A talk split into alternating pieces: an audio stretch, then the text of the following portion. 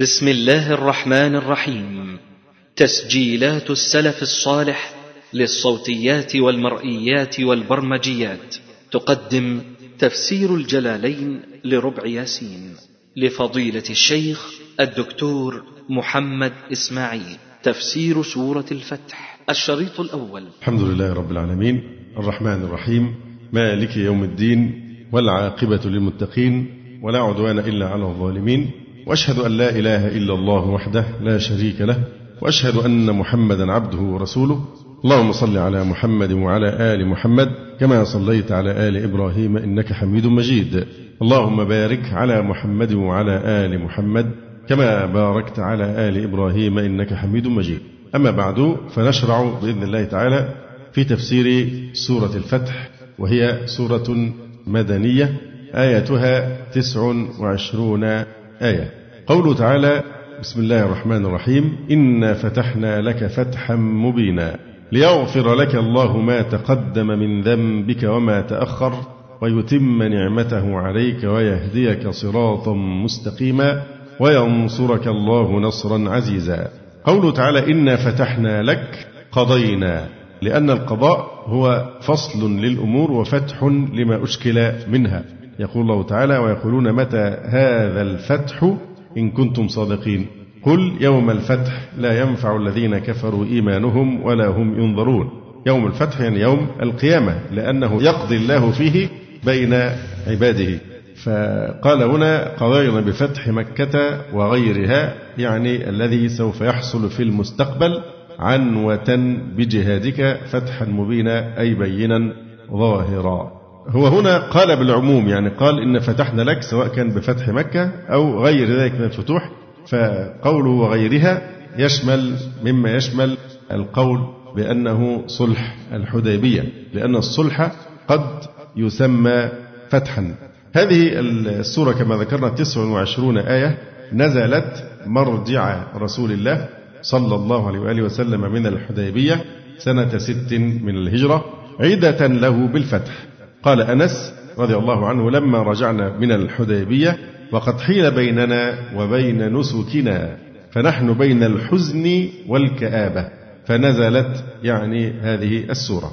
وهذه السورة من القرآن الليلي يعني نزلت ليلا. كما يقول القرطبي نزلت ليلا بين مكة والمدينة في شأن الحديبية. طبعا نحن وصفناها بأنها مدنية مع أنها نزلت خارج النطاق المدينة لأن المدني هو ما نزل بعد الهجرة حتى لو لم يكن داخل المدينة وهذا منه.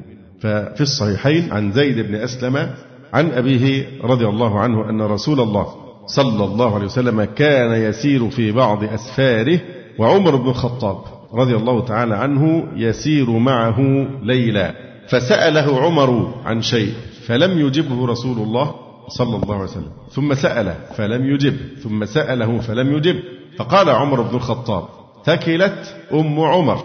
يعني ثكلت أم عمر عمر نزرت رسول الله صلى الله عليه وسلم. نزرت يعني ألححت عليه وبالغت في السؤال. نزرت رسول الله صلى الله عليه وسلم ثلاث مرات كل ذلك لم يجبك. فقال عمر فحركت بعيري ثم تقدمت أمام الناس وخشيت أن ينزل في قرآن. فما نشبت يعني ما لبثت وما تعلقت بشيء فما نشبت أن سمعت صارخا يصرخ بي. فقلت لقد خشيت أن يكون نزل في قرآن.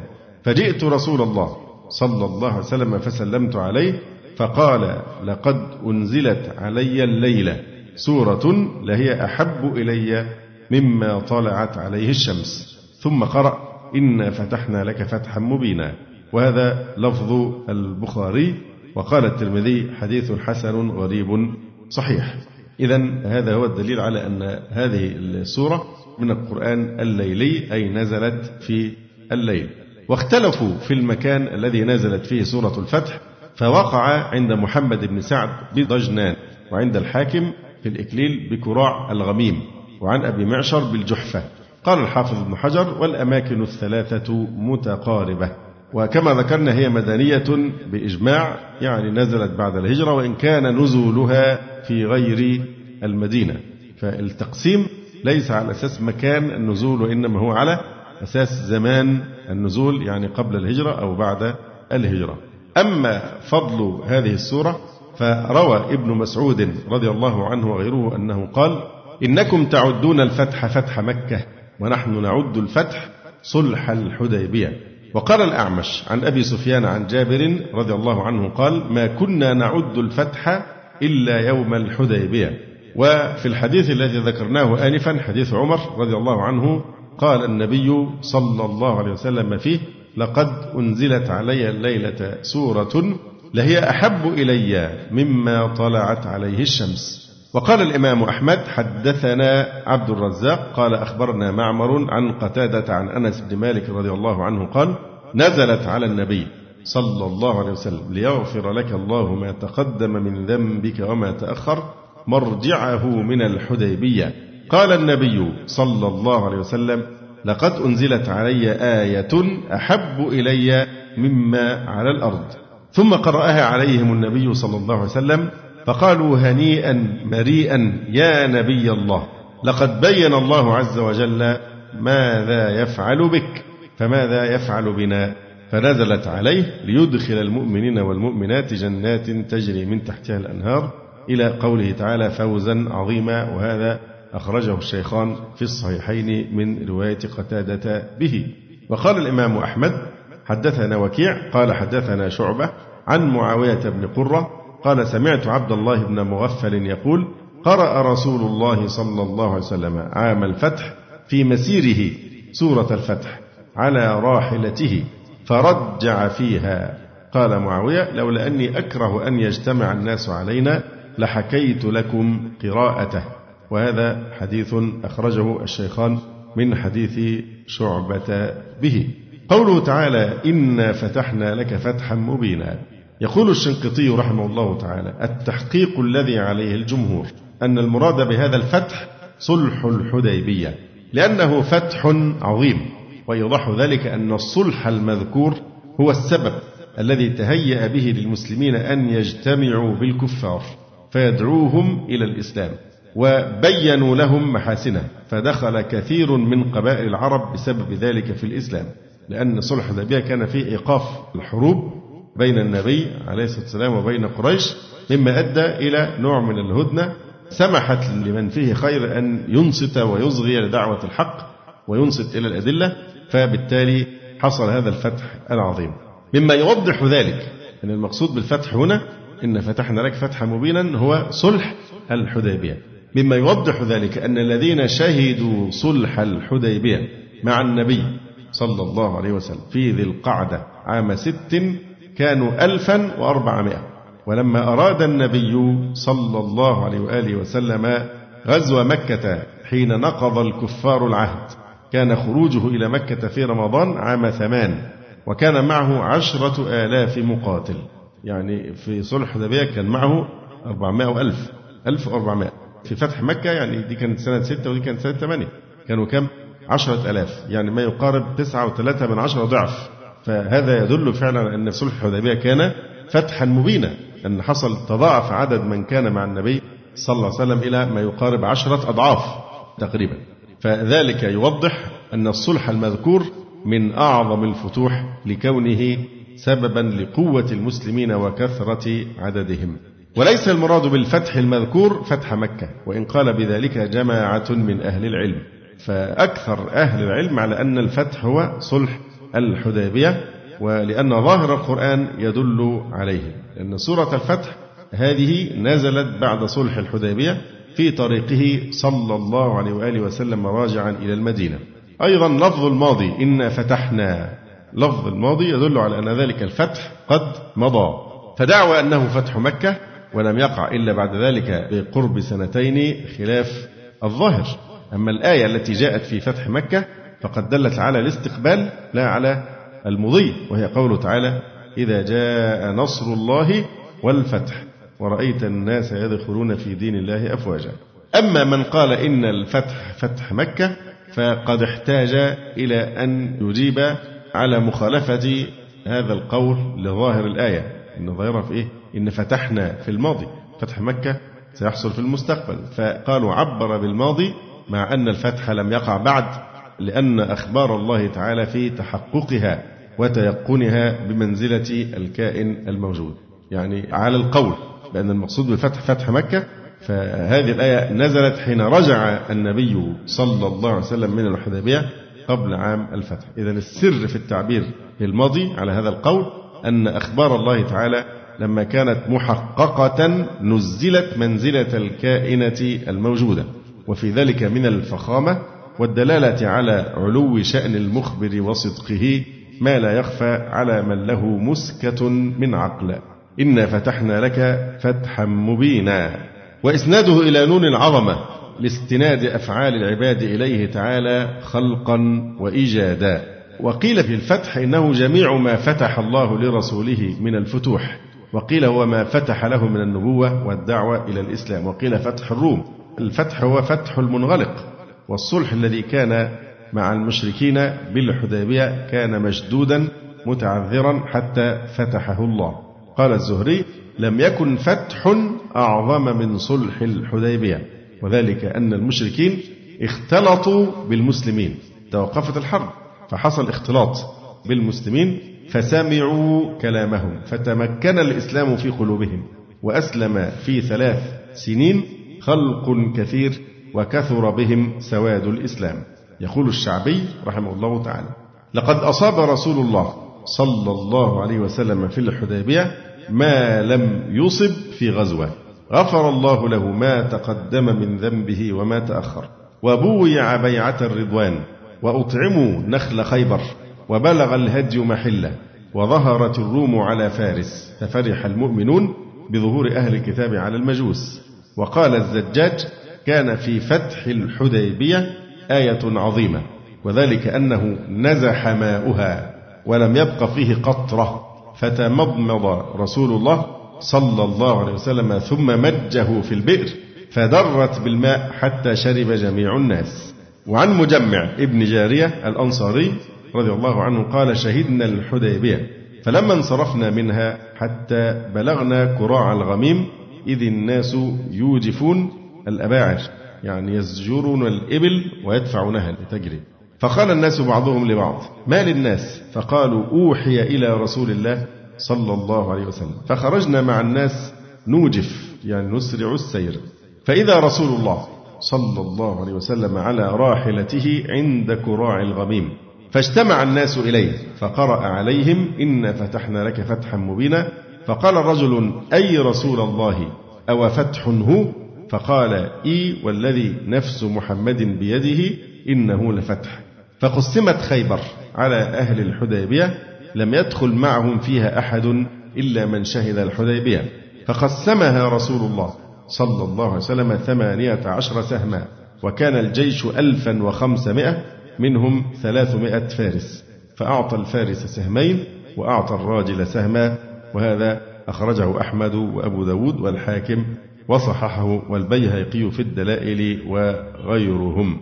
وعن البراء قال تعدون أنتم الفتح فتح مكة وقد كان فتح مكة فتحا ونحن نعد الفتح بيعة الرضوان يوم الحديبية. وهذا رواه البخاري وغيره. ثم نشرع بإذن الله تعالى في مدارسة التفسير من الجلالين. أعوذ بالله من الشيطان الرجيم. بسم الله الرحمن الرحيم. إنا فتحنا لك فتحا مبينا. إنا فتحنا لك قضينا بفتح مكة وغيرها. الذي سيحصل في المستقبل عنوة بجهادك فتحا مبينا أي بينا ظاهرا. طبعا هنا عبر بالماضي مع أن الفتح على هذا القول لم يقع بعد لأن إخبار الله تعالى في تحققها وتيقنها بمنزلة الكائن الموجود. ولأنها نزلت حين رجع صلى الله عليه وسلم من الحديبية قبل عام الفتح. والسر في التعبير بالماضي كما قلت إيه؟ على ما ذهب إليه المحلي. وإلا فإن هذا رأي مرجوح كما سنبين. السر في التعبير بالماضي أن أخبار الله تعالى لما كانت محققة نزلت منزلة الكائنة الموجودة. وفي ذلك من الفخامة والدلالة على علو شأن المخبر وصدقه ما لا يخفى على من له مسكة من عقل. لكن الراجح هو الحقيقة وهنا يعني خرج من الحرج بقوله قضينا بفتح مكة وغيرها. لكن كما دللنا من قبل أن المقصود الفتح هنا ليس فتح مكة لكن هذا كان توطئة وإرهاصا بين فتح مكة. الفتح هنا هو صلح الحديبية لأن الصلح قد يسمى فتحا. إن فتحنا لك فتحا مبينا بينا ظاهرا ليغفر لك الله بجهادك ما تقدم من ذنبك وما تأخر ويتم نعمته عليك ويهديك صراطا مستقيما اللام هنا ليغفر لك الله تعليلية والسر فيه كأنه قيل يسرنا لك هذا الفتح ونصرناك على عدوك لنجمع لك عز الدارين وأغراض العاجلة والآجلة. ليغفر لك الله يعني بجهادك ما تقدم من ذنبك وما تأخر أي منه لترغب أمتك في الجهاد. نلاحظ هنا قوله تعالى ليغفر لك الله ما تقدم من ذنبك. نسب الذنب إلى النبي صلى الله عليه وسلم. وما تأخر ويتم نعمته عليك ونسب النعمة إلى الله عز وجل وهذا كله طبقا لما قررناه من قبل مرارا أن الخير ينسب إلى الله عز وجل. أما الشر فلا ينسب إلى الله تبارك وتعالى فليس في أفعال الله شر. وفي الحديث والخير في يديك والشر ليس إليك. قالت الملائكة ونحن نسبح بحمدك ونقدس لك. يعني نقدسك وننزهك عما لا يليق بك. فيجب تنزيه الله سبحانه وتعالى عن كل ما لا يليق به.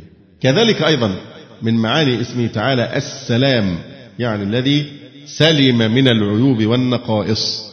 وأيضا من معاني السلام سلامة خلقه من ظلمه لهم عز وجل وسلامته سبحانه من إرادة الظلم والشر ومن التسمية به ومن فعله ومن نسبته إليه. لذلك ينسب الشر إلى المخلوقين. قل أعوذ برب الفلق من شر ما خلق. يعني من شر مخلوقاته. وفي الآية أيضا وأنا لا ندري أشر أريد بمن في الأرض. ثم في الخير قال أم أراد بهم ربهم رشدا. وقال إبراهيم عليه السلام الذي خلقني فهو يهدين والذي هو يطعمني ويسقين. ثم قال وإذا مرضت نسب المرض إلى نفسي فهو يشفين. والذي يميتني ثم يحيين والذي أطمع أن يغفر لي خطيئتي نسب الخطيئة إلى نفسي يوم الدين. وقال الخضر فأردت أن أعيبها. نسب إلى نفسي أن فيها عيبا وقال فأراد ربك أن يبلغ أشده. لأن هذا خير محض وفي الفاتحة اهدنا الصراط المستقيم صراط الذين أنعمت عليهم. نسب النعمة إلى الله. ثم قال غير المغضوب عليهم ولا الضالين. فالضلال نسبه إلى فاعله والغضب جعله محذوفا فاعله. مثال ذلك قوله تعالى والكافرون هم الظالمون. وقال فبظلم من الذين هادوا. وقال ذلك جزيناهم ببغيهم وما ظلمناهم ولكن كانوا هم الظالمين. فينسب الشر إلى من قام به من المخلوقات. في الآية أيضا ولكن الله حبب إليكم الإيمان وزينه في قلوبكم وكره إليكم الكفر والفسوق والعصيان.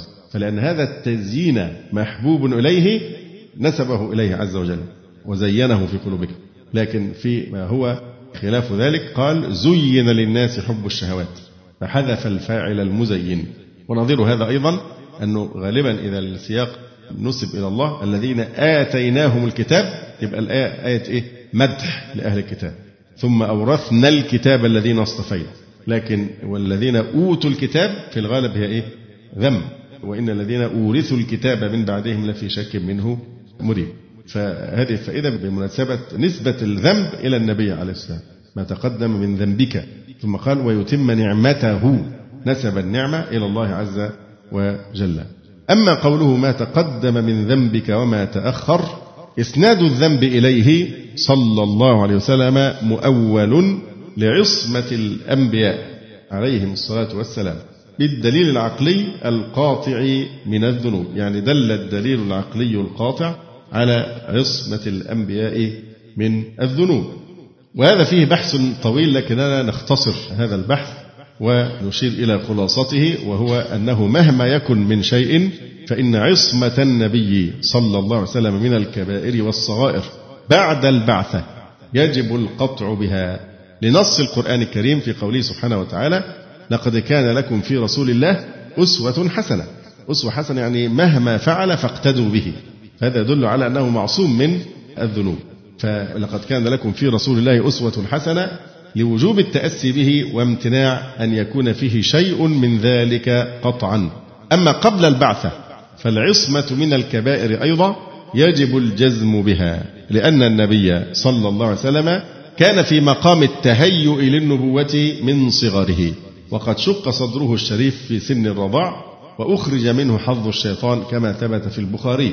ثم إنه لو كان قد وقع منه شيء لأخذوه عليه حين عارضوه في دعوته ولم يذكر من ذلك ولا شيء فلم يبق إلا القول في الصغائر. فهي دائرة بين الجواز والمنع فإن كانت جائزة ووقعت فلا تمس مقامه الشريف صلى الله عليه وسلم لوقوعها قبل البعثة والتكليف وأنها قد غفرت وحط عنه ثقلها. فإن لم تقع ولم تكن جائزة في حقه فهذا المطلوب. وعلى المنع من وقوع شيء منه صلى الله عليه وسلم بقي الجواب على معنى الآية. ما معنى؟ ليغفر لك الله ما تقدم من ذنبك وما تأخر. يقال والله تعالى أعلم إنه تكريم له صلى الله عليه وسلم. كما جاء في أهل بدر قوله صلى الله عليه وسلم لعل الله اطلع على أهل بدر فقال افعلوا ما شئتم فقد غفرت لكم. مع أنهم لن يفعلوا محرما بذلك ولكنه تكريم لهم ورفع لمنزلتهم. وقد كان صلى الله عليه وسلم يتوب ويستغفر ويقوم الليل حتى تورمت قدماه وقال أفلا أكون عبدا شكورا؟ فكان كل ذلك منه شكرا لله تعالى ورفعا لدرجاته صلى الله عليه وسلم. وقد روي في حق صهيب نعم العبد صهيب لو لم يخف الله لم يعصه. وهو صهيب حسنة من حسنات النبي صلى الله عليه وآله وسلم. أو أنه عليه الصلاة والسلام كان يعتد على نفسه بالتقصير ويعتبره ذنبا يستثقله ويستغفر منه. يعني مسألة إيه؟ نسبية. مسألة نسبية. كما قال الجنيد حسنات الأبرار سيئات المقربين. فهذا بالنسبة لمقامه الشريف هي تعد ذنوبا.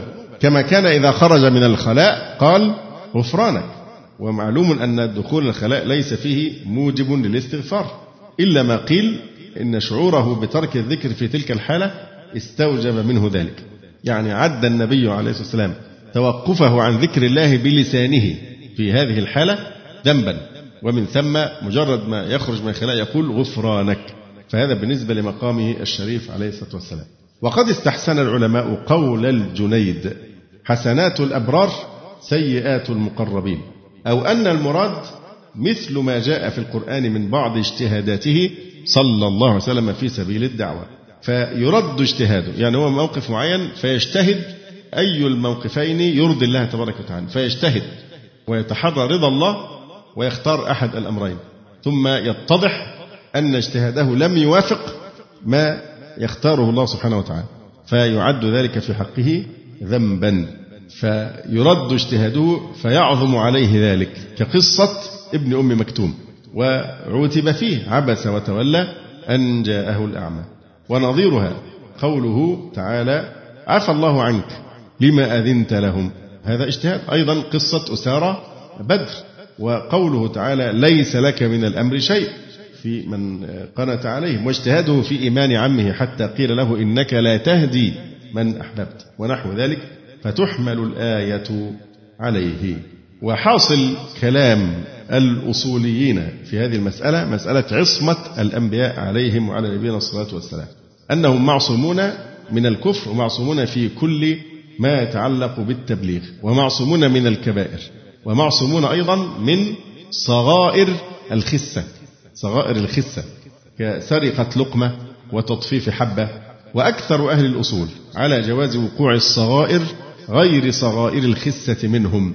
ولكن جماعة كثيرة من متأخر الأصوليين اختاروا أن ذلك وإن جاز عقلا لم يقع فعلا. وقالوا إنما جاء في الكتاب والسنة من ذلك أن ما فعلوه بتأويل أو نسيانا أو سهوا أو نحو ذلك. قال العلامة الشنقيطي رحمه الله تعالى الذي يظهر لنا أنه الصواب في هذه المسألة أن الأنبياء صلوات الله وسلامه عليهم لم يقع منهم ما يزري بمراتبهم العلية ومناصبهم السامية ولا يستوجب خطأ منهم ولا نقصا فيهم صلوات الله وسلامه عليهم. ولو فرضنا أنه وقع منهم بعض الذنوب لأنهم يتداركون ما وقع منهم بالتوبة والإخلاص وصدق الإنابة إلى الله حتى ينالوا بذلك أعلى الدرجات. فتكون بذلك درجاتهم أعلى من درجة من لم يرتكب شيئا من ذلك. ومما يوضح هذا قوله تعالى وعصى آدم ربه فغوى ثم اجتباه ربه فتاب عليه وهدى. فانظر أي أثر يبقى للعصيان والغي بعد توبة الله عليه. واجتبائه أي اصطفائه إياه وهدايته له ولا شك أن بعض الزلات ينال صاحبها بالتوبة منها درجة أعلى من درجته قبل ارتكابه تلك الزلة والعلم عند الله تبارك وتعالى. قوله تعالى: ويتم أي بالفتح المذكور نعمته إنعامه عليك ويهديك به صراطا مستقيما، صراطا طريقا مستقيما يثبتك عليه وهو دين الإسلام. ما إعراب صراطا؟ مفعول ثاني. وينصرك الله نصرا عزيزا أي وينصرك الله به نصرا عزيزا ذا عزة لا ذل له إذا هنا أسند العزة والمنعة إلى النصر مع أن ذلك للإيه؟ للمنصور لأن صيغة فعيل هنا للنسبة فالعزيز بمعنى ذي العزة نصرا ذا عزة لا ذل له. هو الذي أنزل السكينة في قلوب المؤمنين ليزدادوا إيمانا مع إيمانهم. ولله جنود السماوات والأرض وكان الله عليما حكيما. هو الذي أنزل السكينة أي الطمأنينة في قلوب المؤمنين ليزدادوا إيمانا مع إيمانهم. ما إعراب إيمانا؟ تمييز. مع إيمانهم بشرائع الدين فكلما نزل واحدة منها آمنوا بها. منها الجهاد. ولله جنود السماوات والأرض فلو أراد نصر دينه بغيركم لفعل. وكان الله عليما بخلقه حكيما في صنعه. طبعا صيغة كان هنا هل تفيد المضي فقط؟ لكن تفيد أيضا إيه؟ الاستمرار. يعني لم يزل متصفا بذلك. ما أعربه عليما طب ما أعربه حكيما؟ خبر ثان. يبقى الخبر الأول عليما والثاني حكيما. نلاحظ هنا أن هذه الآية قوله وكان الله عليما حكيما جاء بعد قوله إيه؟ ولله جنود السماوات والأرض. وكان الله عليما حكيما. في الموضع التالي قال تبارك وتعالى ولله جنود السماوات والأرض وكان الله عزيزا حكيما. فختم الأولى بإيه؟ عليما حكيما. لأنه ذكر قبلها جنود السماوات والأرض وفيهم من هم أهل للرحمة. وفيهم أيضا من هو أهل للعذاب. قوله وكان الله عليما حكيما دلت على أنه المدبر لأمر المخلوقات بمقتضى حكمته. أما الآية الأخرى اللي هي الآية السابعة ولله جنود السماوات والأرض وكان الله عزيزا حكيما نلاحظ هنا أنه أنها بعد إيه؟ ويعذب المنافقين والمنافقات. والمشركين والمشركات الظانين بالله ظن السوء. عليهم دائرة السوء وغضب الله عليهم ولعنهم وأعد لهم جهنم وساءت مصيرا. ولله جنود السماوات والأرض وكان الله عزيزا حكيما. ختم هنا بعزيزا حكيما. لما بالغ في تعذيب المنافق والكافر وشدته فدلت على التهديد والوعيد وأنهم في قبضة ذي الانتقام عز وجل.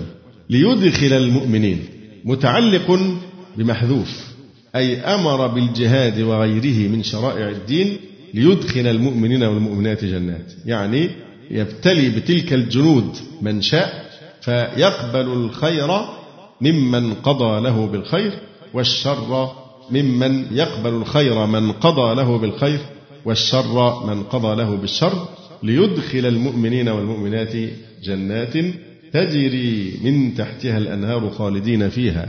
ويكفر عنهم سيئاتهم وكان ذلك عند الله فوزا عظيما.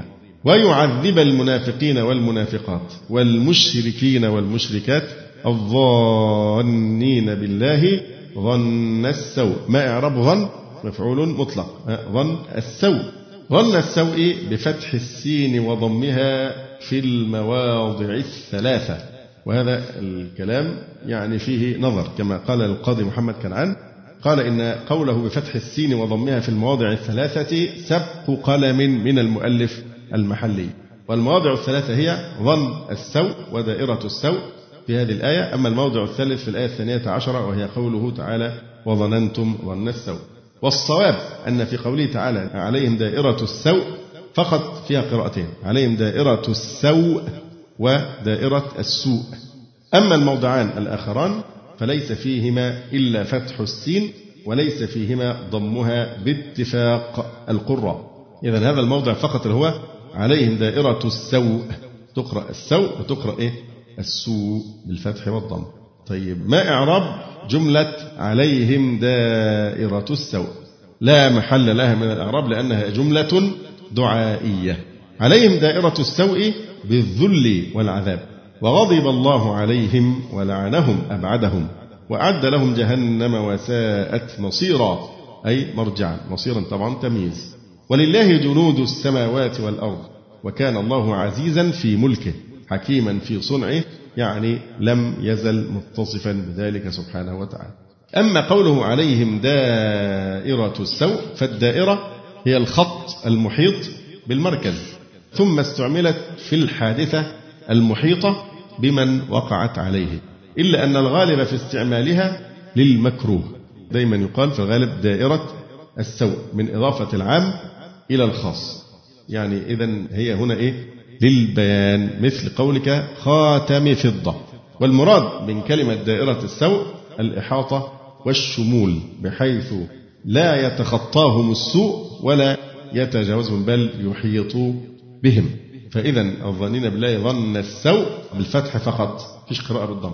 لكن عليهم دائرة السوء بالفتح والضم. قوله تبارك وتعالى إنا أرسلناك شاهدا ومبشرا ونذيرا لتؤمنوا بالله ورسوله وتعزروه وتوقروه وتسبحوه بكرة وأصيلا. قوله تعالى إنا أرسلناك شاهدا أي على أمتك في القيامة. وشاهدا حال ومبشرا أي لهم في الدنيا بالجنة. ونذيرا منذرا مخوفا فيها من عمل سوءا بالنار. لتؤمنوا وفي قراءة ليؤمنوا ليؤمنوا بالله ورسوله بالياء والتاء فيه وفي الأفعال الثلاثة بعده. ليؤمنوا بالله ورسوله ويعزروه ويوقروه ويسبحوه بكرة وأصيلا. أو بالتاء لتؤمنوا وتعزروه وتوقروه وتسبحوه ليؤمنوا بالله ورسوله ويعزروه أي ينصروه وقرئ شذوذا بزايين ويعززوه مع الفوقانية وتعززوه ويوقروه لكن هذه قراءة شاذة وتوقروه أي تعظموه وضميرهما لله أو لرسوله صلى الله عليه وسلم أما ويسبحوه فلا خلاف أن الضمير يعود إلى الله سبحانه وتعالى بكرة وأصيلا بالغداة والعشي. ثم نفصل الحقيقة في هذه الآية بالذات. نفصلها ونوضح بعض المعاني المتعلقة بها. أولا قوله تعالى إنا أرسلناك شاهدا.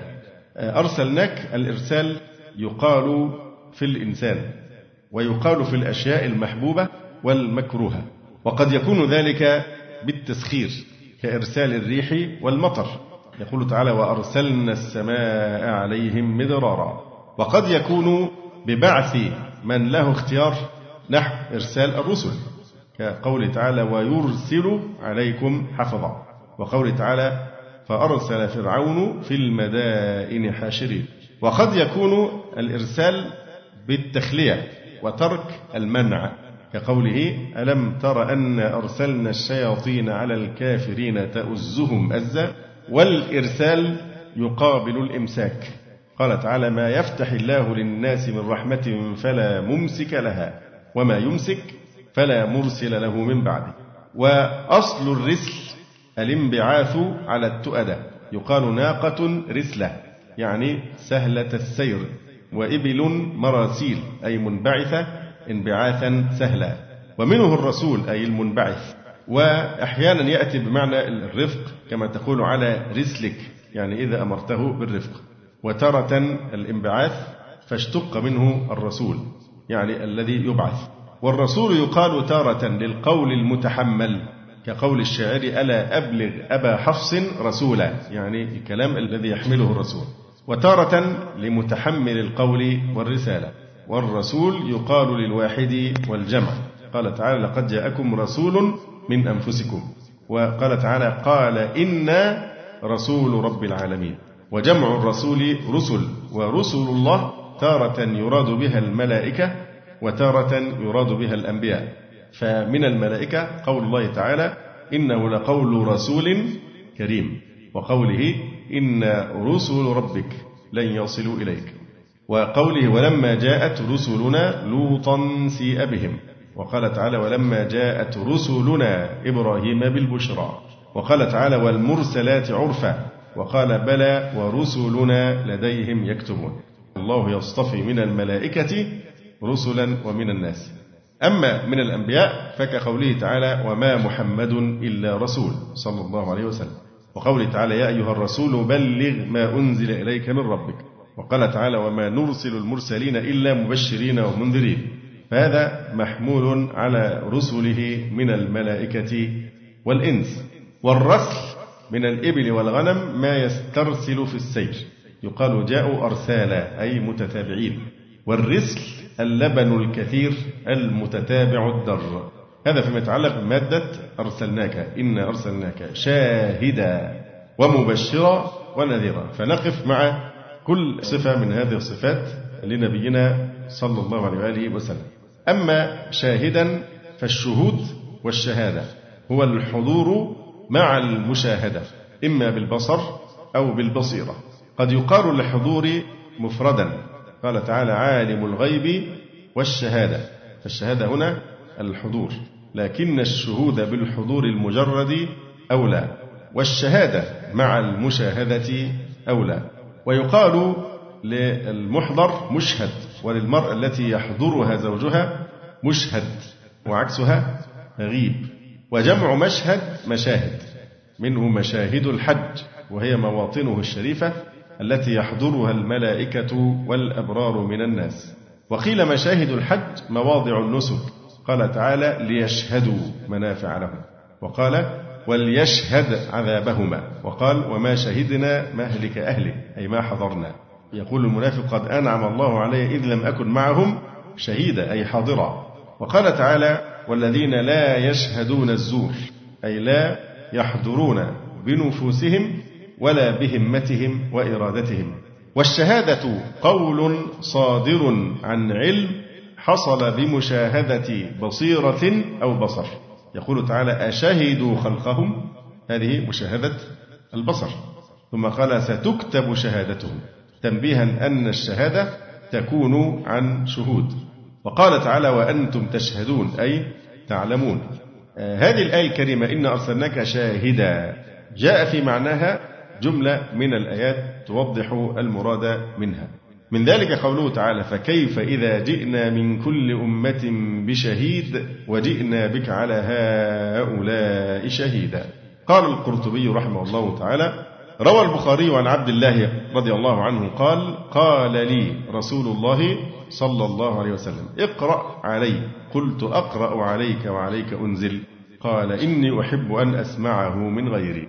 فقرأت عليه سورة النساء حتى بلغت فكيف إذا جئنا من كل أمة بشهيد وجئنا بك على هؤلاء شهيدا؟ قال أمسك. فإذا عيناه تذرفان. صلى الله عليه وسلم. وهذا أخرجه أيضا مسلم. وقال بدل قوله أمسك فرفعت رأسي أو غمزني رجل إلى جنبي فرفعت رأسي فرأيت دموعه صلى الله عليه وسلم تسيل. قال علماؤنا بكاء النبي صلى الله عليه وسلم إنما كان لعظيم ما تضمنته هذه الآية من هول المطلع وشدة الأمر. إذ يؤتى بالأنبياء شهداء على أممهم بالتصديق والتكذيب. ويؤتى به صلى الله عليه وسلم يوم القيامة شهيدا. فكيف إذا جئنا من كل أمة بشهيد؟ وجئنا بك على هؤلاء شهيدا. على هؤلاء. الإشارة إلى كفار قريش وغيرهم من الكفار. وإنما خص كفار قريش بالذكر لأن وظيفة العذاب أشد عليهم منها على غيرهم لعنادهم عند رؤية المعجزات وما أظهره الله على يديه من خوارق العادات. والمعنى فكيف يكون حال هؤلاء الكفار يوم القيامة؟ إذا جئنا من كل أمة بشهيد وجئنا بك على هؤلاء شهيدا أمعذبين أم منعمين. وهذا استفهام معناه التوبيخ. قيل الإشارة إلى جميع أمته. وجئنا بك على هؤلاء يعني الأمة المحمدية كلها. وقال الألوسي رحمه الله تعالى فكيف حال هؤلاء الكفرة؟ من اليهود والنصارى وغيرهم أو كيف يصنعون أو كيف يكون حالهم إذا جئنا يوم القيامة من كل أمة من الأمم وطائفة من الطوائف بشهيد يشهد عليهم بما كانوا عليه من فساد العقائد وقبائح الأعمال. وهذا الشهيد هو نبيهم نبي كل أمة. وجئنا بك يا خاتم النبيين صلى الله عليه وسلم. على هؤلاء إشارة إلى الشهداء. المدلول عليهم بما ذكر شهيدا. وجئنا بك على هؤلاء شهيدا. يبقى إذا وجئنا بك على هؤلاء شهيدا. الإشارة إلى إيه؟ كلام الأوسي شهيدا. إشارة لكلمة إيه؟ بشهيد. وجئنا بك على هؤلاء الأنبياء شهيدا. تشهد على صدقهم. لعلمك بما أرسلوا. واستجماع شرعك مجامع ما فرعوا وأصلوا. وأيضا يعني كما ذكرنا من قبل ملة اليهود والنصارى يحتاجون في إثبات حجية التوراة والإنجيل وفي إثبات حجية نبوة موسى وعيسى عليهما وعلى نبينا الصلاة والسلام وهم محتاجون إلى القرآن ولا عكس لأن القرآن شهد بأن التوراة من عند الله والإنجيل من عند الله طبعا قبل أن يحرفه وهو الذي يثبت نبوة موسى وعيسى. أما هم فليس عندهم إسناد متصل على الإطلاق لا يوجد إسناد واحد متصل بينهم وبين أنبيائهم فهم مفتقرون إلى القرآن الكريم ليثبت صدق نبوة موسى وعيسى وصدق التوراة والإنجيل وأنهما وحي من الله تبارك وتعالى. ومهيمنا عليه مصدقا لما قبله من الكتاب ومهيمنا عليه. وجئنا بك على هؤلاء شهيدا أي على هؤلاء الأنبياء تشهد على صدقهم لعلمك بما أرسلوا واستجماع شرعك مجامع ما فرعوا وأصلوا.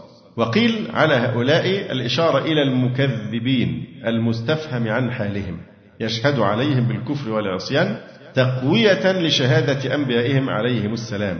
وجئنا بك على هؤلاء شهيدا يعني كل أمة الأمم السابقة أن أنبياءهم بلغوهم وهم الذين كذبوا. أو كما يشهدون على أممهم أيضا أنت تشهد على أمتك. وقيل إلى المؤمنين لفظ الإشارة هنا يعود إلى المؤمنين. لقوله تعالى لتكونوا شهداء على الناس ويكون الرسول عليكم شهيدا. ومتى أقحم المشهود عليه في الكلام وأدخلت على عليه لا يحتاج لتضمين الشهادة معنى التسجيل. أخرج ابن أبي شيبة وأحمد والبخاري والترمذي والنسائي وغيرهم من طرق عن عبد الله بن مسعود رضي الله عنه قال قال لي رسول الله صلى الله عليه وآله وسلم اقرأ علي. قلت يا رسول الله أقرأ عليك وعليك أنزل. قال نعم إني أحب أن أسمعه من غيري. فقرأت سورة النساء حتى أتيت إلى هذه الآية. فكيف إذا جئنا من كل أمة بشهيد وجئنا بك على هؤلاء شهيدا؟ فقال حسبك الآن فإذا عيناه تذرفا.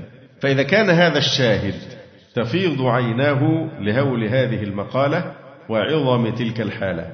فماذا لعمري يصنع المشهود عليه وكأنه بالقيامة وقد أناخت لديه؟ يعني الرسول عليه السلام بكى وهو في مقام الإيه؟ الشاهد تعظيما لهذا الموقف. فما ينبغي أن يكون حال المشهود عليه. من ذلك أيضا من الآيات التي جاءت في معنى هذه الآية الكريمة أو التي توضح معنى قوله تعالى إن أرسلناك شاهدا. قوله عز وجل وجيء بالنبيين والشهداء وقضي بينهم بالحق وهم لا يظلمون ووفيت كل نفس ما عملت. قال الشنقيطي رحمه الله تعالى اختلف العلماء في المراد بالشهداء في هذه الآية الكريمة فقال بعضهم هم الحفظة من الملائكة الذين كانوا يحصون أعمالهم في الدنيا. واستدل من قال هذا بقوله تعالى وجاءت كل نفس معها سائق وشهيد.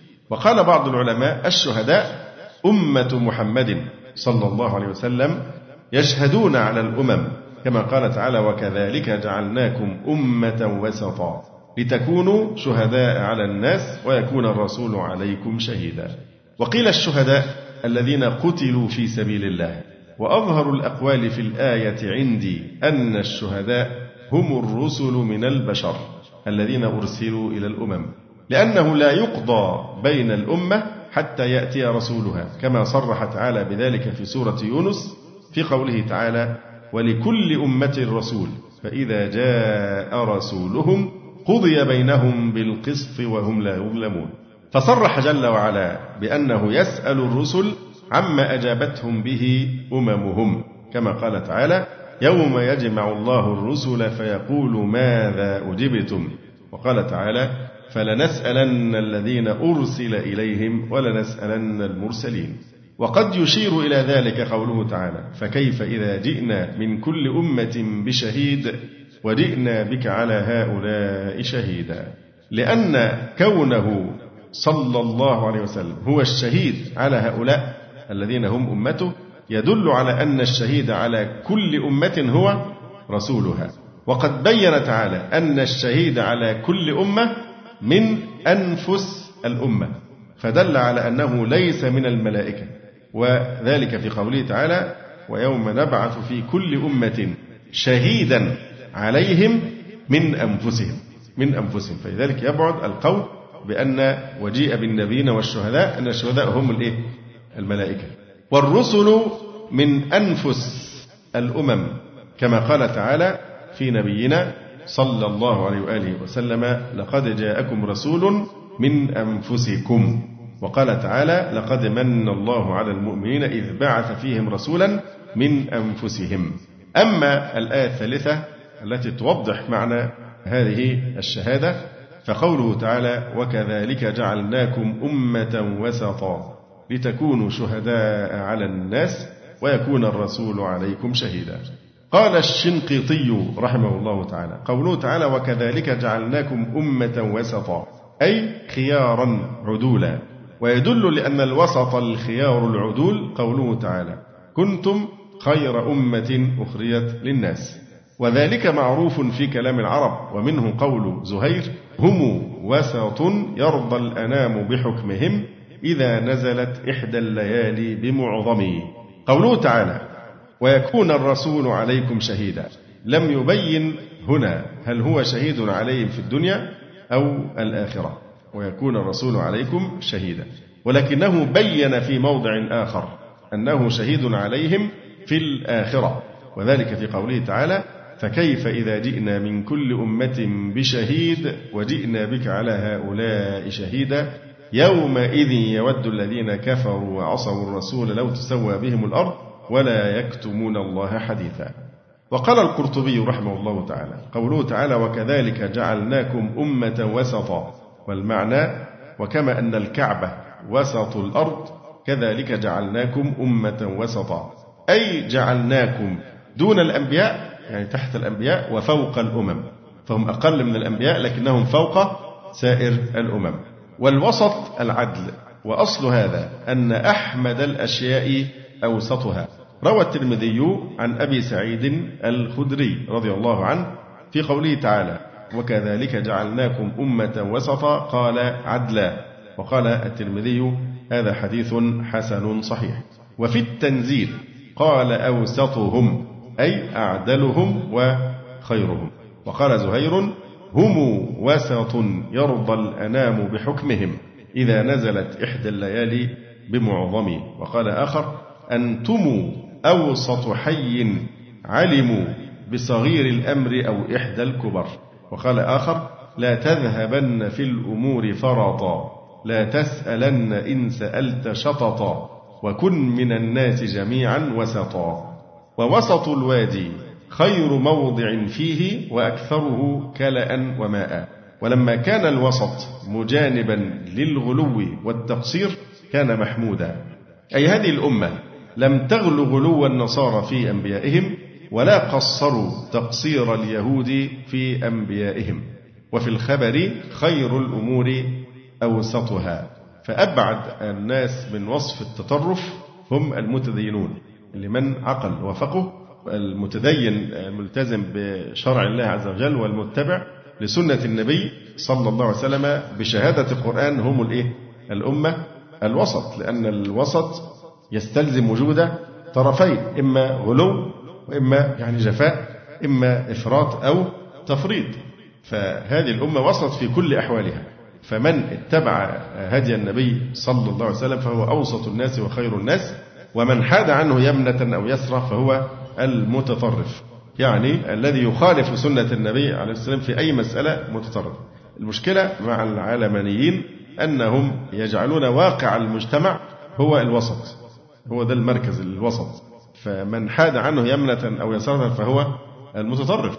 أما نحن فالوسط عندنا هو خير الهدي هدي محمد صلى الله عليه وسلم. فده سبب الاختلاف بيننا وبينهم أن الوسط عندنا هو ما كان عليه النبي صلى الله عليه وسلم بدلالة هذه النصوص كلها. وكذلك جعلناكم أمة وسط. فازاي الأمة وسط وتوصف بأنها متطرفة؟ فالمتطرف هو الذي يحيد بغلو أو بجفاء. وقال تبارك وتعالى لتكونوا وكذلك جعلناكم أمة وسطا لتكونوا منصوب بإيه؟ بلام كي لتكونوا أي لأن تكونوا شهداء وهذا هو خبر كان لتكونوا شهداء على الناس أي في المحشر للأنبياء على أممهم لتكونوا إيه؟ شهداء على الناس يعني يشهدون في صف الأنبياء على أممهم كما ثبت في صحيح البخاري عن أبي سعيد الخدري رضي الله عنه قال قال رسول الله صلى الله عليه وسلم يدعى نوح عليه السلام يوم القيامة فيقول لبيك وسعديك يا رب. فيقول هل بلغت؟ فيقول نعم.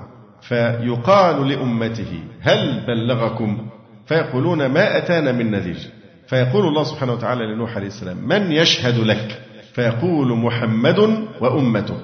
صلى الله عليه وآله وسلم. فيشهدون أنه قد بلغ ويكون الرسول عليكم شهيدا.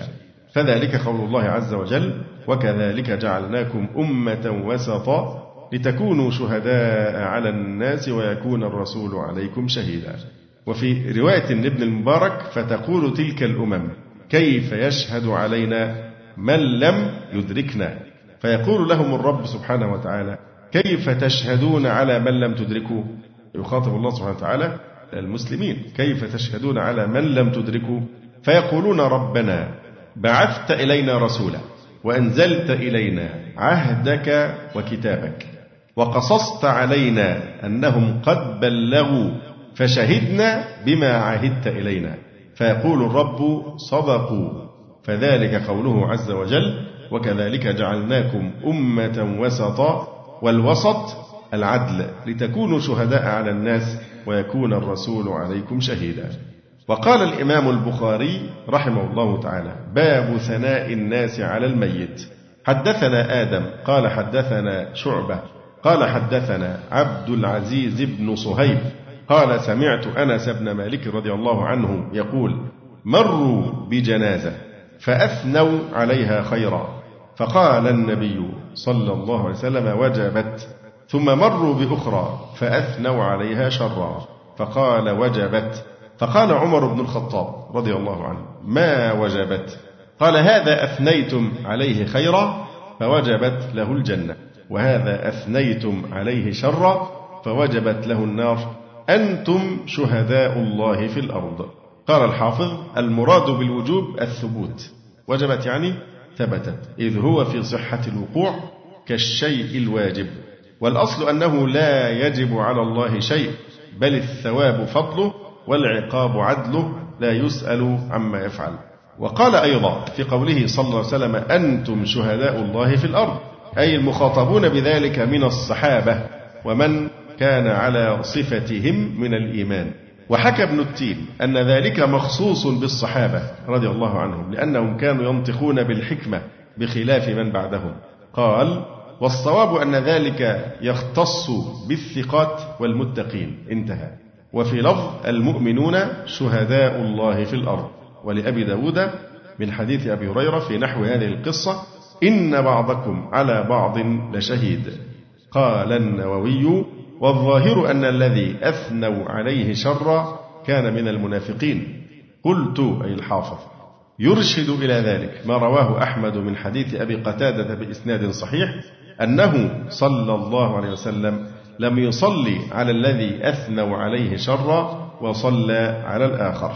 وقال صلى الله عليه وآله وسلم أيما مسلم شهد له أربعة بخير أدخله الله الجنة. فقلنا وثلاثة؟ قال وثلاثة. قلنا واثنان؟ قال واثنان. ثم لم نسأله عن الواحد. وقال الداودي المعتبر في ذلك شهادة أهل الفضل والصدق لا الفسقة لأنهم قد يثنون على من يكون مثلهم ولا من بينه وبين الميت عداوة لأن شهادة العدو لا تقبل.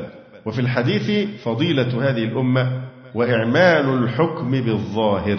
بعض الناس يسيئون فهم أمثال هذه الأحاديث فيقولون في الجنازة ما تشهدون فيه فيعني يثنون على الميت أيا كان حاله فليس الأمر بالاصطناع والتكلف والمجازفة وإنما الشهادة تكون على ما قام عليه دليل أو بينة ببصر أو ببصيرة أما أن واحد حاله كان سيئا وكان يظهر ذلك كان مجاهرا بس بالمعاصي ثم يشهد عليه عشان يطبق عليه هذا الحديث لا الشهادة يجب أن تكون مطابقة إيه؟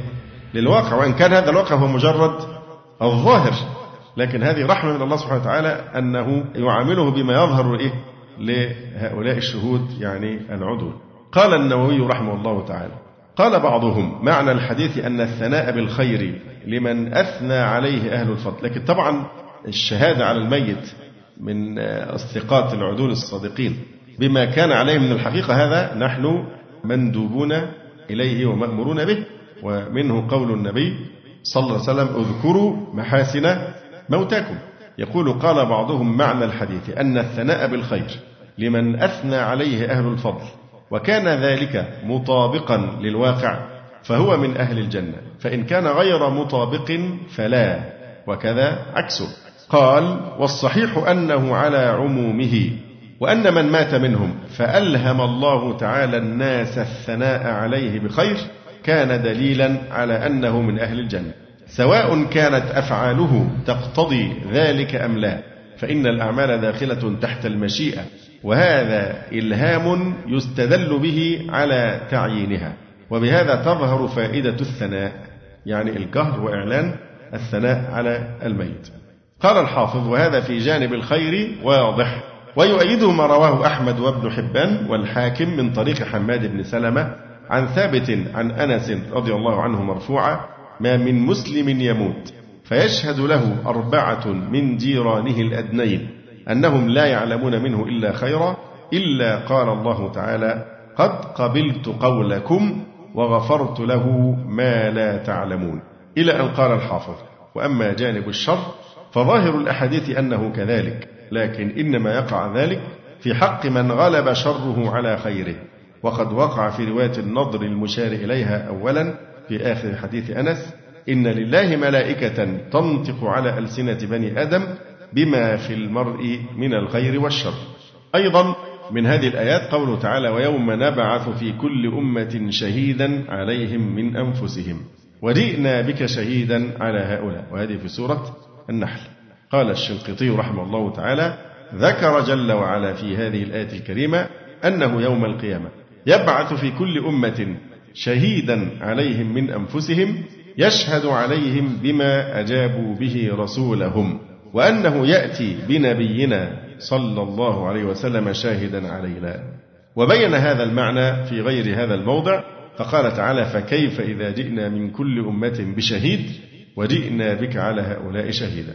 يومئذ يود الذين كفروا وعصوا الرسول لو تسوى بهم الأرض ولا يكتمون الله حديثا. وكقوله يوم يجمع الله الرسل فيقول ماذا أجبتم؟ وكقوله فلنسألن الذين أرسل إليهم ولنسألن المرسلين إلى غير ذلك من الآيات. أما قوله هنا عز وجل في هذه الآية الكريمة ويوم نبعث في كل أمة شهيدا. فيوم منصوب بإيه؟ بأذكر مقدرا. يعني واذكر يوم نبعث في كل أمة شهيدا عليهم من أنفسهم. والشهيد في هذه الآية فعيل بمعنى فاعل أي شاهد أي شاهدا عليهم من أنفسهم. وجئنا بك شهيدا على هؤلاء.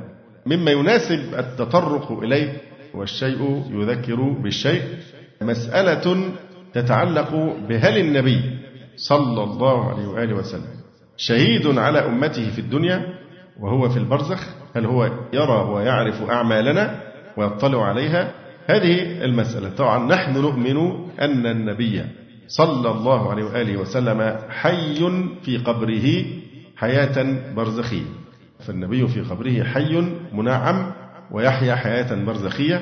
ونؤمن أيضا أنه يسمع سلام من يسلم عليه صلى الله عليه وآله وسلم ويرد عليه السلام. هناك قضية أخرى قضية أن هل الموتى يسمعون كلام الأحياء أم لا؟ دي قضية أخرى. لكن في فرق بين أن إحنا نؤمن بأن الموتى يسمعون أو لا يسمعون حتى لو قلنا يسمعون في فرق بين إيماننا بأنهم يسمعون وبين اتخاذهم وسطاء وشفعاء بيننا وبين الله عز وجل بعد الموت. فنحن الآن لا نناقش مسألة هل النبي حي في قبره صلى الله عليه وسلم أم لا. مش دي القضية اللي إحنا عايزين نفصلها. إحنا بنناقش قضية معينة حتى لا نتشتت. هو طبعا حي في قبره حياة إيه؟ برزخية ليست كحياة الدنيا بلا شك. فالمسألة التي نريد أن نتعرض لها الآن بمناسبة ذكر شهادة النبي صلى الله عليه وسلم على أمته. هل هذه الشهادة في الآخرة أم أنه يشهد ويرى وتعرض عليه أعمالنا في الدنيا؟ الذي ألجأنا إلى توضيح هذه المسألة أن هناك حديثا يروى نصه حياتي خير لكم ومماتي خير لكم. تعرض علي أعمالكم فإن وجدت خيرا حمدت الله. وإن وجدت غير ذلك استغفرت لكم. قال العجلوني في كشف الخفا رواه الديلمي عن أنس وعزاه في الجامع الصغير للحارث عن أنس. وفيه عند ابن سعد عن بكر ابن عبد الله مرسلا. هذا الحديث قال فيه الشيخ حامد الفقي رحمه الله تعالى حديث باطل سندا ومتنا. إذ لم يروه إلا الديلمي عن أنس وابن سعد في الطبقات مرسلا عن بكر بن عبد الله. انتهى كلام الشيخ حامد الفقي رحمه الله.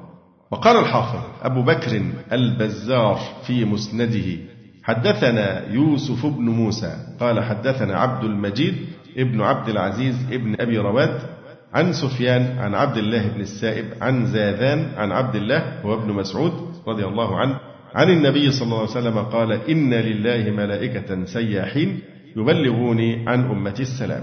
قال وقال رسول الله صلى الله عليه وسلم حياتي خير لكم تحدثون ويحدث لكم ووفاتي خير لكم تعرض علي أعمالكم فما رأيت من خير حمدت الله عليه وما رأيت من شر استغفرت الله لكم. ثم قال البزار لم نعرف آخره يروى عن عبد الله إلا من هذا الوجه. والحديث كما ذكرنا رواه ابن سعد عن بكر بن عبد الله مرسلا والحديث ضعيف.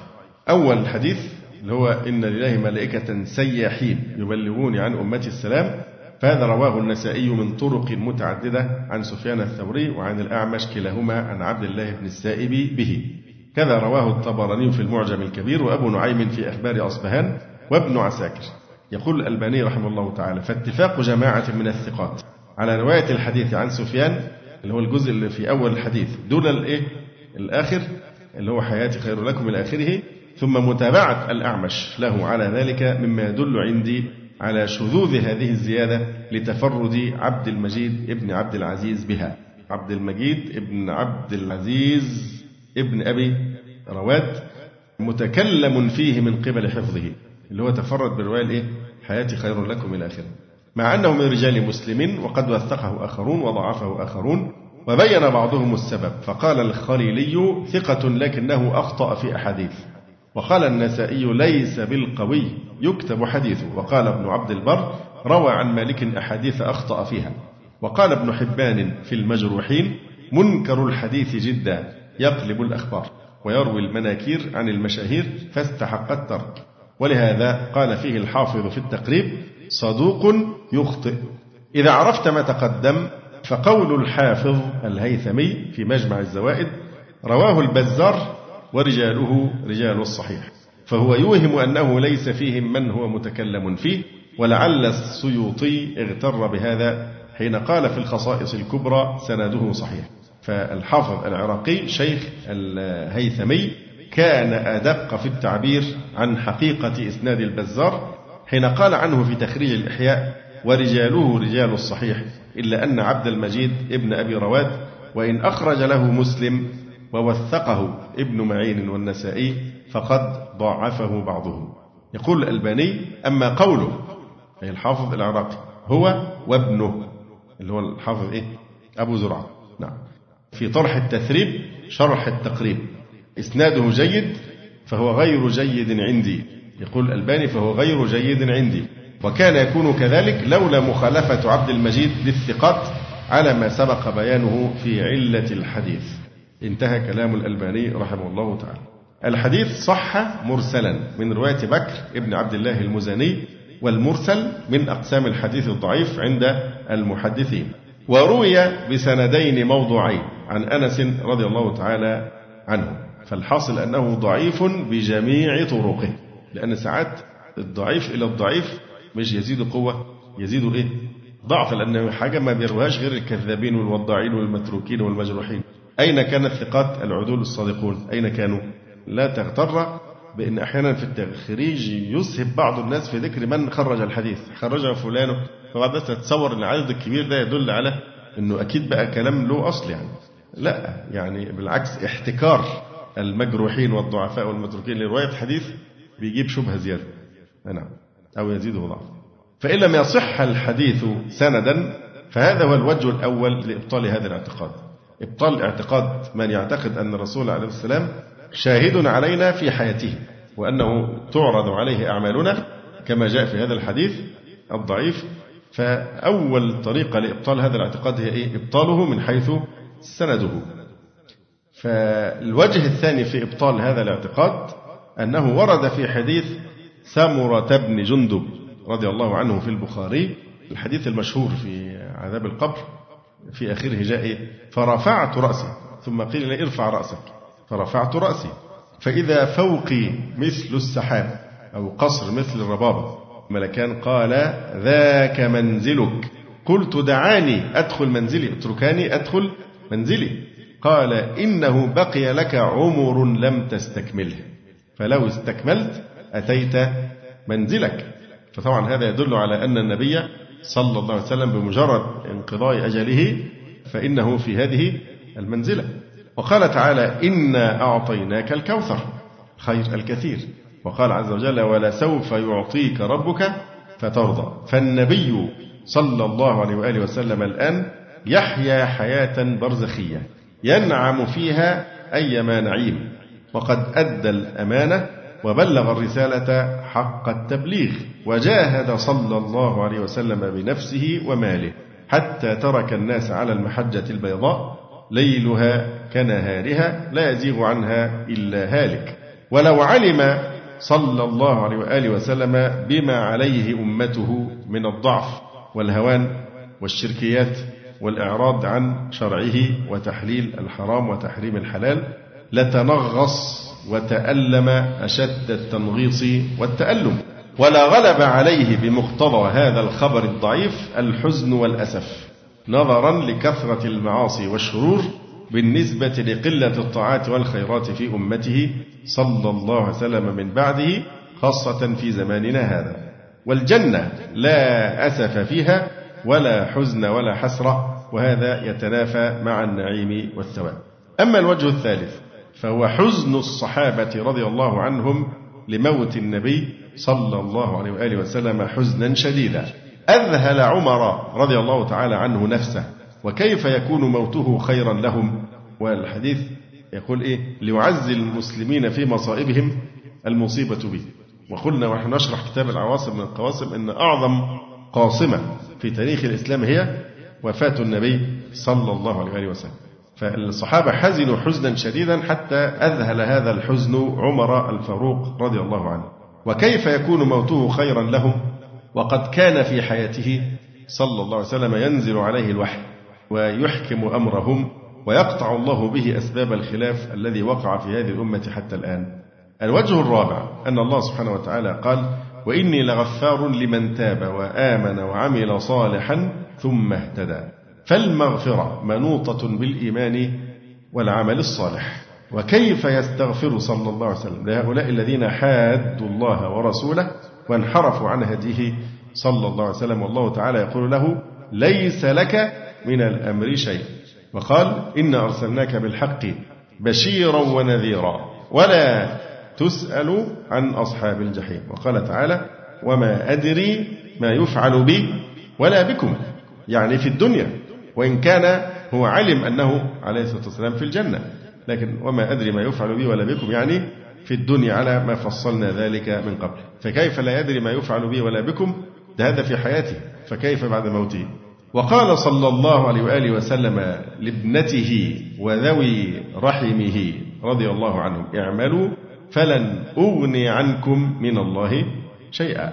الوجه الخامس أن هذا الاعتقاد من شأنه أن يقوي روح التواكل والتواني عند الغافلين المفرطين الذين يحسبون أنهم ينالون الشفاعة جميعا.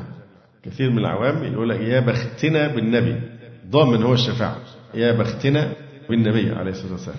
فهؤلاء الغافلون يأتون يوم القيامة بأوزارهم ويقولون يا رسول الله اشفع لنا.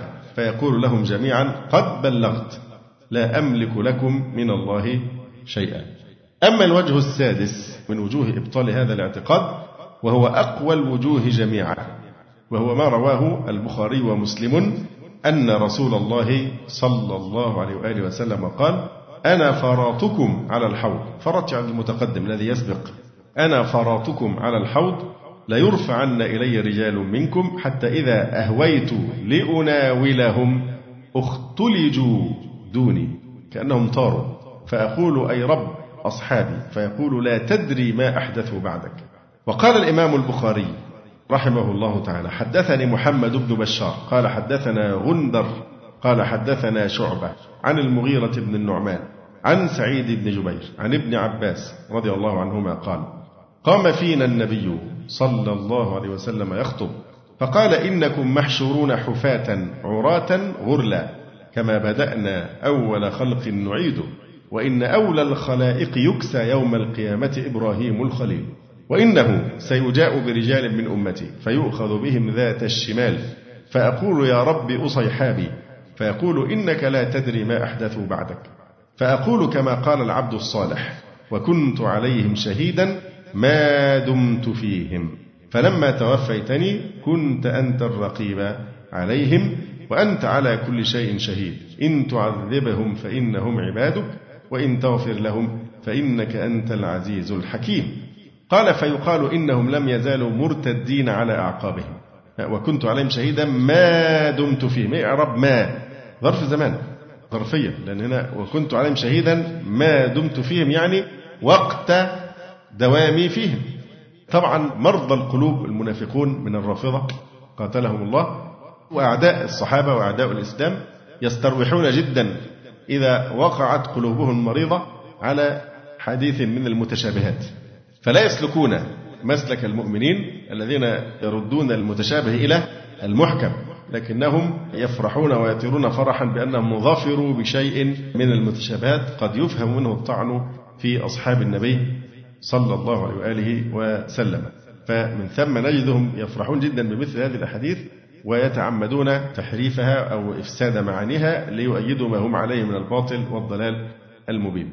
عندنا قاعدة يعني قطعية أن الصحابة خير أمة أخرجت للناس وأن الله عز وجل رضي عنهم. إلى آخر ما ذكرناه من قبل في عقيدة أهل السنة في الصحابة رضي الله تعالى عنهم. لكن مثل هذا الحديث لا تدري ما أحدثه بعد. لا يمكن أبدا أن يفهم على الصحابة الذين رضي الله تعالى عنهم وماتوا على الإسلام. وإنما هذا يراد به فئة قليلة ممن ارتدوا بعد موت النبي صلى الله عليه وسلم وقاتلهم أبو بكر رضي الله عنه. أما أن يستدل بمثل هذا على تكفير الصحابة أو ارتدادهم فهذا من قسوة قلوبهم. فأما الذين في قلوبهم زيغ فيتبعون ما تشابه منه إبتغاء الفتنة وابتغاء تأويله. هذا من المسالك المريضة التي يسلكها مرضى القلوب من أعداء الصحابة رضي الله تعالى عنهم ويلبسون بها على الناس. قول النبي صلى الله عليه وآله وسلم فيؤخذ بهم ذات الشمال أي إلى جهة النار. وفي رواية البخاري فإذا زمرة حتى إذا عرفتهم خرج رجل من بيني وبينهم فقال هلم. فقلت إلى أين؟ قال إلى النار. وفي حديث سهل لا يردن علي أقوام أعرفهم ويعرفونني ثم يحال بيني وبينهم. قول النبي صلى الله عليه وسلم يا ربي أصيحابي طبعا ده تصغير. أصيحابي خبر مبتدأ محذوف تقديره إيه؟ هؤلاء أصيحابي قال الحافظ ولأحمد والطبراني من حديث أبي بكر رفعه لا يردن على الحوض رجال ممن صحبني ورآني وسنده حسن. وقال الفربري ذكر عن أبي عبد الله البخاري عن قبيصة قال هم الذين ارتدوا في عهد أبي بكر رضي الله عنه فقاتلهم أبو بكر يعني حتى قتلوا وماتوا على الكفر. وقد وصله الإسماعيلي من وجه آخر عن قبيصة وقال الخطابي لم يرتد من الصحابة أحد وإنما ارتد قوم من جفاة الأعراب ممن لا نصرة له في الدين وذلك لا يوجب قدحا في الصحابة المشهورين ويدل عليه قوله أصيحابي. بالتصغير ليدل على قلة عددهم. فهذا فهم الحديث أن هؤلاء أناس ممن لم يثبتوا على الإسلام إنما ارتدوا ودي قلة قليلة جدا وليسوا من الصحابة المشهورين المعروفين.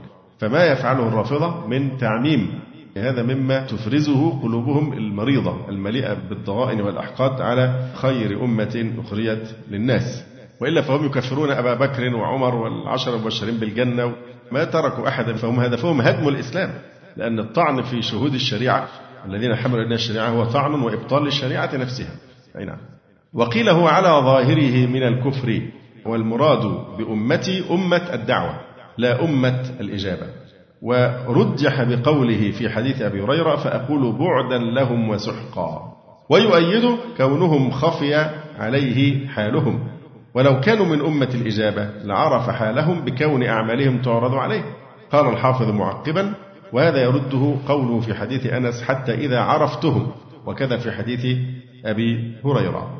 وقال الحافظ أيضا وقد أخرج أبو يعلى بسند حسن عن أبي سعيد رضي الله عنه قال سمعت رسول الله صلى الله عليه وسلم فذكر حديثا فقال يا أيها الناس إني فرطكم على الحوض. فإذا جئتم قال رجل يا رسول الله أنا فلان ابن فلان. وقال آخر أنا فلان ابن فلان. فأقول أما النسب فقد عرفت ولعلكم أحدثتم بعدي أو ارتدتم ولأحمد والبزار نحوه من حديث جابر. إذا هذه هي وجوه إبطال هذا الزعم في شهادة النبي عليه الصلاة والسلام على أمته. فالرسول عليه السلام الآن هو في حياة برزخية نحن نقتصر ونتوقف على ما وردت به الأدلة من أنه يعني يرد السلام على من يسلم أو يصلي عليه صلى الله عليه وآله وسلم كما هو معلوم وأن هناك ملائكة موكلين بذلك. أما ما زاد على ذلك من أنه يطلع على أعمالنا فلم يصح عليه دليل بل الأدلة كما ذكرنا تبطل هذا الاعتقاد. صح عن النبي صلى الله عليه وآله وسلم أنه قال إن من أفضل أيامكم يوم الجمعة. فيه خلق آدم وفيه قبض وفيه النفخة وفيه الصعقة فأكثروا علي الصلاة فيه فإن صلاتكم معروضة علي. قالوا يا رسول الله وكيف تعرض صلاتنا عليك وقد أرمت؟ يعني قد بليت. قال إن الله حرم على الأرض أجساد الأنبياء. رواه أبو داود والنسائي وغيرهما عن أوس بن أوس وإسناده صحيح. وقال صلى الله عليه وآله وسلم الأنبياء أحياء في قبورهم يصلون. رواه أبو يعلى والبزار وغيرهما عن أنس بن مالك رضي الله عنه وإسناده أيضا صحيح.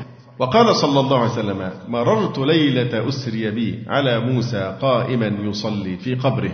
وهذا رواه أحمد ومسلم والنسائي عن أنس بن مالك رضي الله عنه. وقال صلى الله عليه وسلم إن لله ملائكة سياحين يبلغوني عن أمتي السلام.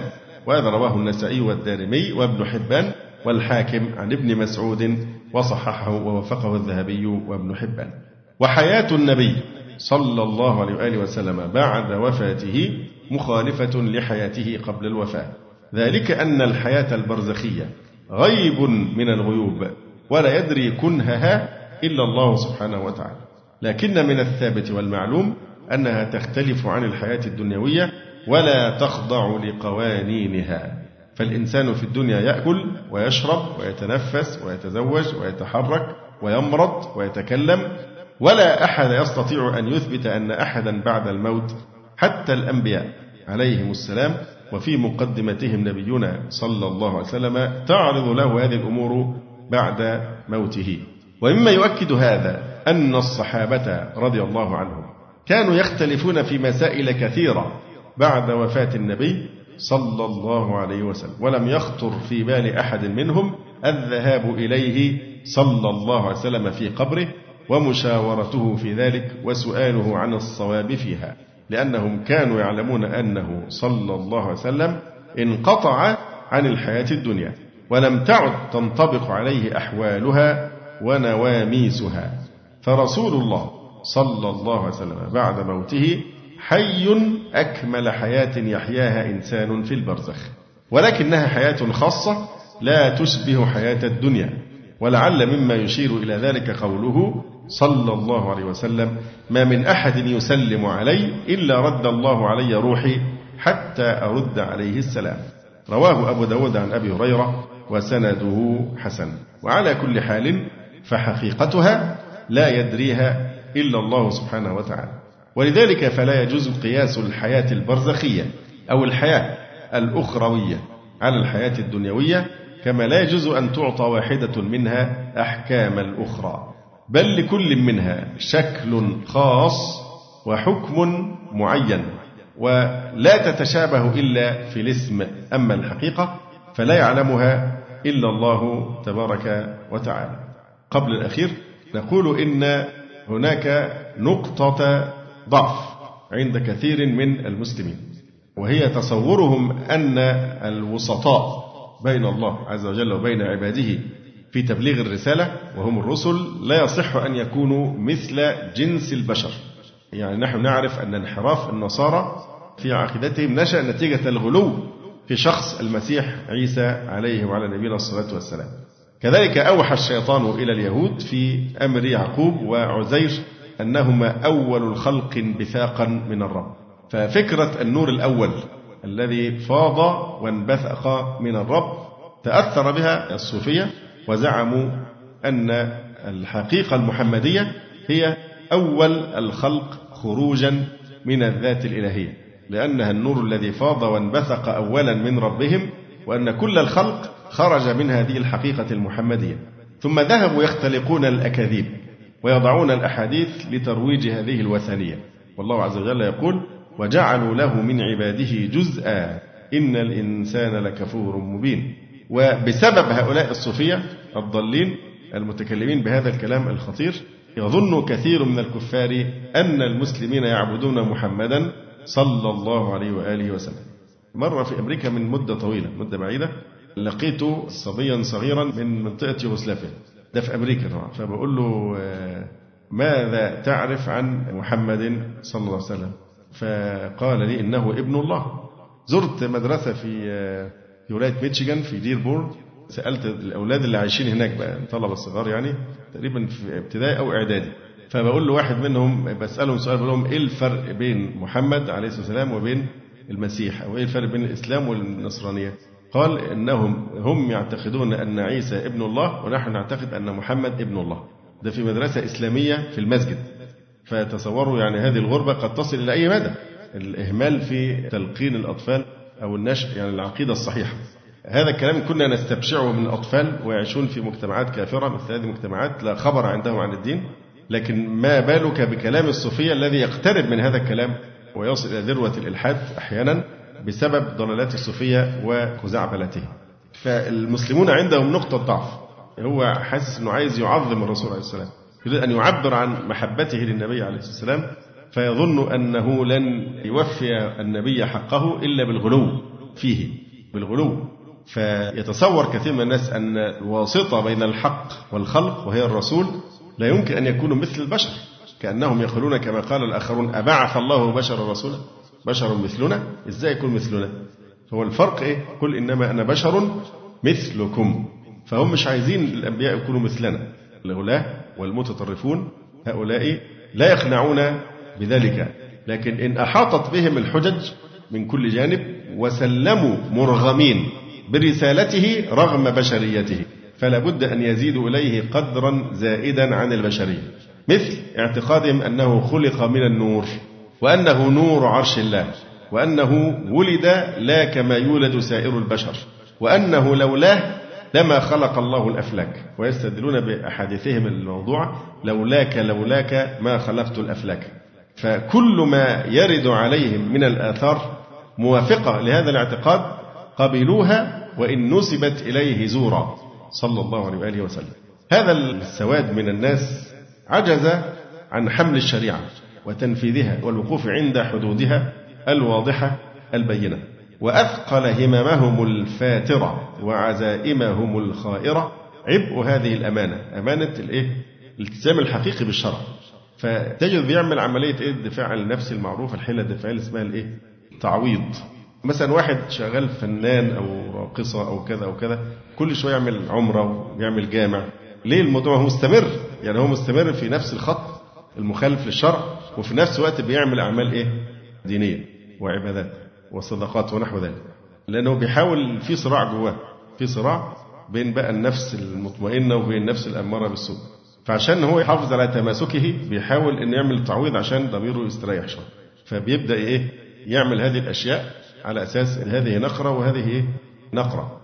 فكذلك أيضا المسلمون لما يعجزون عن الالتزام الحقيقي بالسنة وبالشرع الشريف تجد ينشغلون بإيه؟